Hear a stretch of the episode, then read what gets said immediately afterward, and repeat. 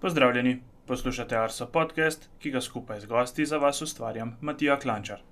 V prejšnji epizodi sem se z Nežo Lokošek pogovarjal o vročinskih valovih, ki so v teh dneh še kako aktualna tema. Vabljeni pa tudi k poslušanju vseh preteklih epizod, ki jih najdete na naši spletni strani. Najdete nas tudi na družabnih omrežjih, na Twitterju smo omete vsi, na Facebooku pa smo Arso Vreme, kjer nam seveda lahko pustite tudi kakšen komentar. V veliko pomoč pri širjenju naše besede so tudi ocene na Apple Podcasts. Vse komentarje, pripombe in predloge pa nam lahko sporočite na elektronski naslov podcast.arso.afnago.si. Kot ste verjetno že opazili, Arso podcast tudi poleti ne bo šel na dopust. Za vas smo pripravili serijo petih podcastov, kjer se bo kot rdeča nit pojavljala temperatura. Od zgodovine merjena temperature pa vse do podnebnih scenarijev. Na koncu vsake epizode smo za vas pripravili še temperaturno zanimivost. Danes je pred vami prva izmed petih epizod, kjer boste slišali nekaj o zgodovini meritev temperature, o termometrih in o tem, kako se danes izvajo meritve na naših postajah.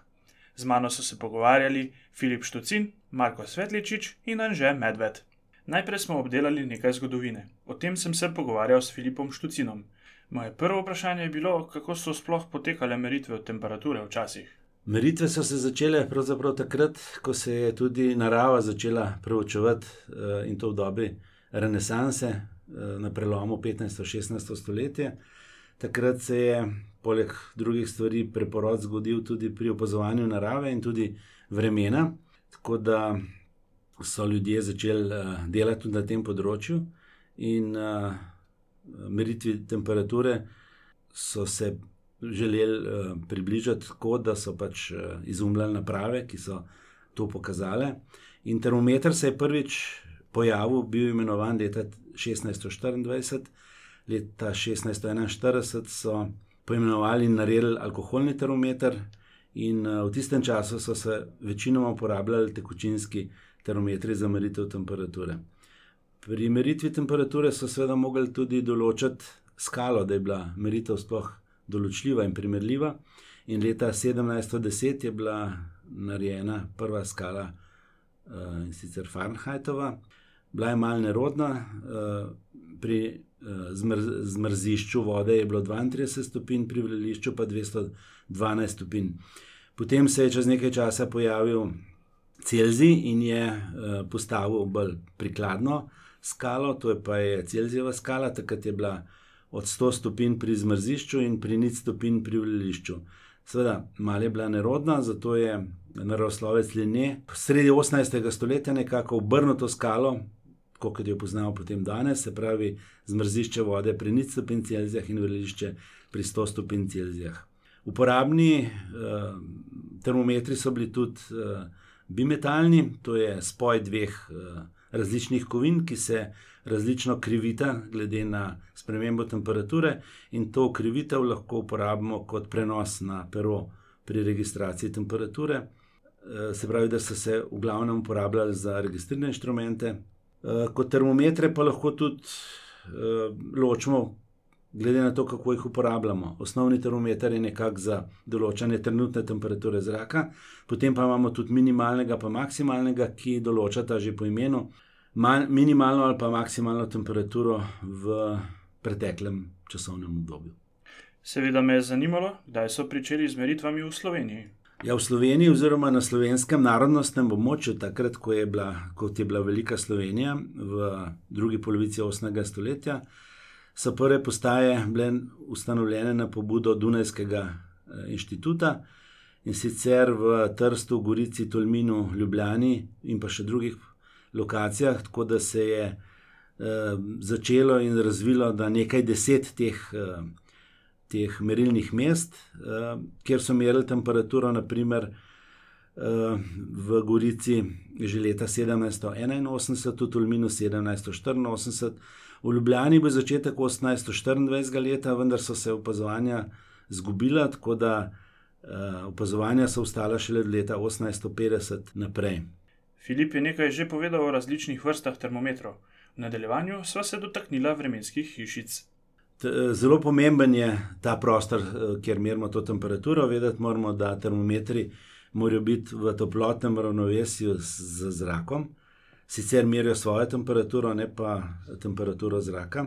In zato potrebujemo en zaščiten, zaprt prostor, ne zaščiten pred vetrom, ampak predvsem pred sevanji. To sta uh, dnevno sevanje sonca in pa dolgovoljno sevanje ohlajanja po noči. Zato so že davno skonstruirali standardno meteorološko hišo, zgrajeno iz lesa, uh, iz žaluzij, z dvojno streho, belo pobarvano. To vse zaradi tega, da uh, po eni strani čim bolj odbija vse moteče, uh, samoteča sevanja, po drugi strani je pa pripišna, se pravi, da se zrak v tem senčnem prostoru uh, tekoče izmenjuje z okolico, da res v tem prostoru imamo zrak, ki je tudi zunaj in da lahko termometri pač se uravnavajo po njem. Um, ta meteorološka hiša je približno velika okoli kubičnega metra, postavljena pa na 2 metra višine, tudi to je pomembno, zato ker uh, merjenje temperature nižje blizu tal je zelo nezanesljivo oziroma neprimerljivo, uh, ker različne površine tal se različno ogrevajo, različno to in uh, temperatura pri tleh bi bila zelo lokalno odvisna. Uh, In zato je sprejeta ta višina 2 metra kot neka standardna. Lahko gremo pa tudi kakšen meter ali pa dva više, samo si pa naredimo, seveda, problem, operativni problem, kako bomo na taki višini meritve izvajali. Uh, nove hišice so prilagoje, pa prilagojene um, elektronskim meritvam, ker nimamo toliko velikih inštrumentov kot so klasični ali pa registrirani. Gre za manjše elektronske senzore, tako da je bila tudi skonstruirana standardna meteorološka hiša za avtomatske meritve. Materiali so zdaj plastični, bele barve, seveda tudi pa nekoliko manjši, zaradi velikosti prostora, tako da recimo nekih slabe pol kubičnega metra eh, velika zadeva. Od zgodovine termometrov pa gremo do zgodovine mreže meteoroloških postaj. Omenili smo že eh, prve začetke, kako so se te eh, postaje postavljale, še v Avstralski, ko je bilo slovensko ozemlje nekoliko drugačno, zato smo tudi omenjali mesta, ki danes ne ležijo v Sloveniji. Um, seveda, po uh, prvi svetovni vojni je pa nadzor nad uh, meteorološko mrežo prevzel ura, urad ali pa inštitut v Ljubljani in je uh, nadaljeval s temi meritvami. Tako da imamo tukaj podatek, recimo leta 1924 je bilo 63 merilnih mest, na katerih so merili temperaturo. Leta 1960 Pozneje, se pravi, po drugi svetovni vojni, je bila mreža seveda še večja, je bila osnovna mreža velika 80 os osnovnih merilnih mest s temperaturo, bilo je pa še dodatno 33 dopolnilnih postaj, najbrž zaradi uh, posebne uporabe v kmetijstvu, industriji in tako naprej. Zanimalo me je tudi, kako veliko mrežo meteoroloških postaj imamo v Sloveniji sedaj. Danes eh, imamo okoli 100 avtomatskih merilnih postaj, 20 še vedno klasičnih ročnih merilnih mest, eh, pa še nekako 30 dodatnih lokacij, kjer merimo temperaturo. Pri eh, drugih merilnih postajah, naprimer, kjer merimo kakovost zraka, višino vode, ali pa imamo postavljene dodatne registratorje na, lokacijah, ker želimo Eh, temperaturne razmere poznati tudi v širši okolici obstoječih merilnih postaj. Um, posledica teh, tega velikega števila avtomatskih merilnih mest je projekt Bober, ki je bil začet leta 2008 in je bil uh, z gradnjo uh, postaj končan tam okoli leta 2015, uh, prinesel pa je novih 80 avtomatskih merilnih mest na področju meteorologije. Za konec je Filip povedal, kako merimo temperaturo na naših postajah v sedanjosti. Ja, še vedno uporabljamo klasične termometre eh, na tistem ožjem, eh, manjšem obsegu klasičnih merilnih mest. Avtomatske merilne postaje pa uporabljajo predvsem uporovni termometer, eh, zato se uporablja platina. Upor se pač spremenja s temperaturo, s, temp z naraščajočo temperaturo, narašča tudi upor, in če ga merimo, lahko pač sorazmerno ugotavljamo tudi spreminjanje temperature. Eh, zakaj se uporablja ravno platina? Zato, ker so pač ugotovili, da so lastnosti eh, tega elementa najbolj prikladne za, da imamo dolgoročno stabilne meritve in da se s časom tudi ne spreminjajo lastnosti tega inštrumenta, senzorja. Pol Veliko se uporablja tudi termočlen, ne samo v meteorologiji, ampak predvsem za širši razpon temperatur. Termočlen je pravzaprav stik dveh vodnikov iz različnih materijalov. En, en stik je na recimo, temperaturi, ki jo merimo, drugi je pa na neki zunanji stranski temperaturi. In če sta ti dva stika na različnih temperaturah, pride v tem krogu do električnega toka, in če ga merimo, dobimo spet ekvivalent, ki ustreza temperaturi na tistem stičnem mestu, katerem, pri katerem želimo meriti temperaturo. Seveda pa znanost ni omejena, ampak na tem mestu ne bi omenjali vseh mogočih možnosti meritev temperature. Vse termometre je potrebno umeriti, da kažejo pravilne vrednosti. Na Agenciji za okolje imamo umerjevalni laboratorij, skozi katerega gredo vsi termometri. Približno število umerjenih termometrov zadnje pol leta je bilo okoli tristo. V tem delu pogovora se mi je pridružil Marko Svetličič. Najprej me je zanimalo, zakaj je umerjanje termometrov sploh pomembno. Glejte, to je pomembno pa zaradi tega, ker se pač starajo. Tako kot se mi staramo, smo vedno počasnejši, recimo, če gremo teč, smo vsako leto malce počasnejši, tako so tudi termometri, manj sposobni in zaradi tega jih je pač potrebno preverjati. Sicer na v roku enega leta se ne spremenijo bistveno, ampak v parih letih se pa že nastopi sprememba, ki je potem zaznavna, in potem pač, če termometer ne ustreza več, se izloči iz meritev. Potem me je zanimal način, kako se termometri umerjajo. Termometre merjamo v glavnem s primerjalno meritvijo, se pravi, imamo referenčni termometer, ki ga mi zunaj kalibriramo, in s tem primerjamo potem, vse naše meteorološke termometre, ki jih potem damo na teren, s katerimi se potem pač temperature odčitavajo. Filip je v prejšnjem delu pogovora povedal, katere termometre uporabljajo naše postaje sedaj. Marko pa je povedal, katerih je za umerjanje največ. Večinoma so platinski uporovni termometri, se pravi, se pač, preko njihovih električnih karakteristik posredno meri temperatura. nekaj malega je pa še vedno teh steklenih tekočinskih termometrov, ke se pa vedno manj uporabljajo, ke niso pač več toliko praktični.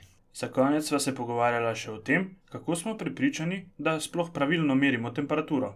To je zelo pomembno, zato ker, ni vseeno, kakšno temperaturo tukaj v Sloveniji izmerimo ali pa kakšno temperaturo v Nemčiji izmerijo. In zato pač obstaja ta sistem sledljivosti, zato da vsi točno vemo, ne glede na to, na katerem delu zemeljske oble se izmeri temperatura, da je enako izmerjena. Mi imamo v laboratoriju dve, dve točki, fiksni točki se reče, se pravi, trojno točko vode in pa, tališče galija. in pri teh točkah mi preverjamo naše termometre, sta pa premali, zato da bi ga na celem območju skalibrirali, kar nam pa pač zunaj, zunanji laboratorij to preveri. Tako da smo potem vedno prepričani, da bomo v Sloveniji izmerili, bojo v Nemčiji izmerili, bojo, vem, v Mehiki izmerili temperaturo, bo vedno enako izmerjena temperatura. Čeprav smo danes že slišali, da je večji del meteorološke mreže sedaj avtomatski, sem vseeno želel slišati vidik klasičnega opazovalca na postaji.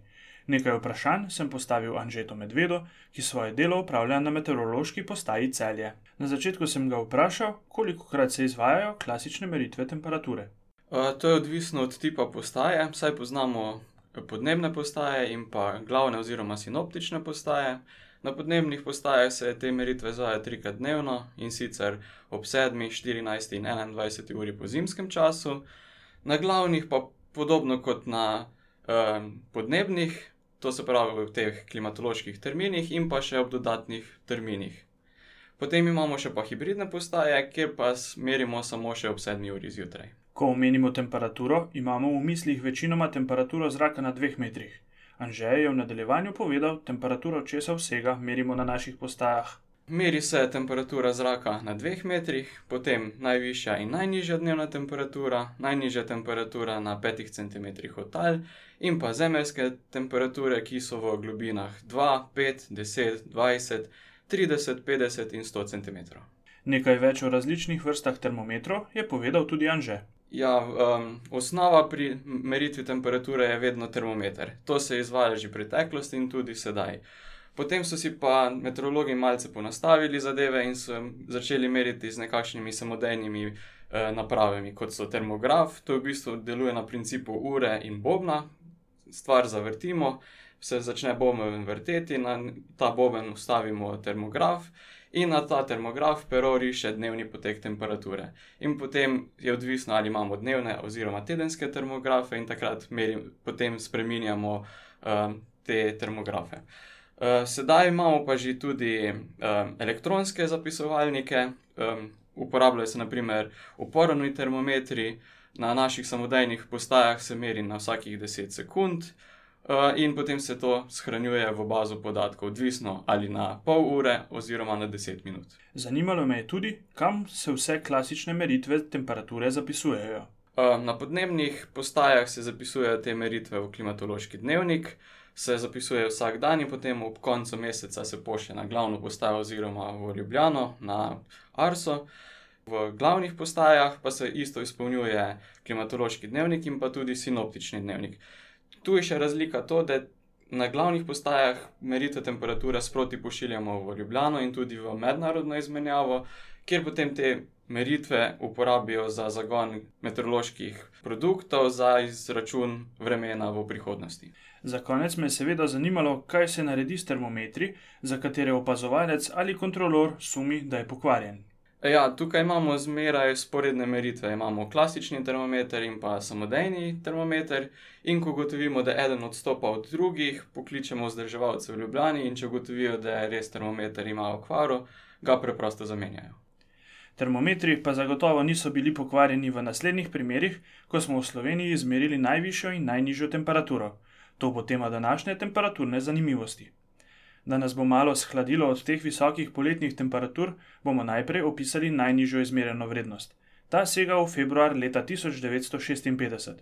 Prvi del meteorološke zime je bil v znamenju milega vremena, po nižinah je bilo snega le za vzorec. Šele proti koncu meseca januarja je nad naše kraje začel dotekati hladnejši zrak in do konca meseca se je ohladilo globoko pod ničlo. To je bil le uvod v izredno mrzel februar, marsikje najhladnejši mesec druge polovice 20. stoletja. Dodatni dejavnik k izjemno nizkim temperaturam je bil sneg, ki ga je bilo po nižinah med 20 in 40 cm. Seveda pa so po 14. februarju pomagale tri jasne zaporedne noči. Tako smo marsikje izmerili najnižjo temperaturo v celotni merilni zgodovini posamezne postaje. Slovenski rekord z izmerjeno najnižjo temperaturo drži postaja Babno polje, kjer je bilo 15. in 16. februarja 1956 kar minus 34,5 stopinje Celzija. Poglejmo še v drugo skrajnost.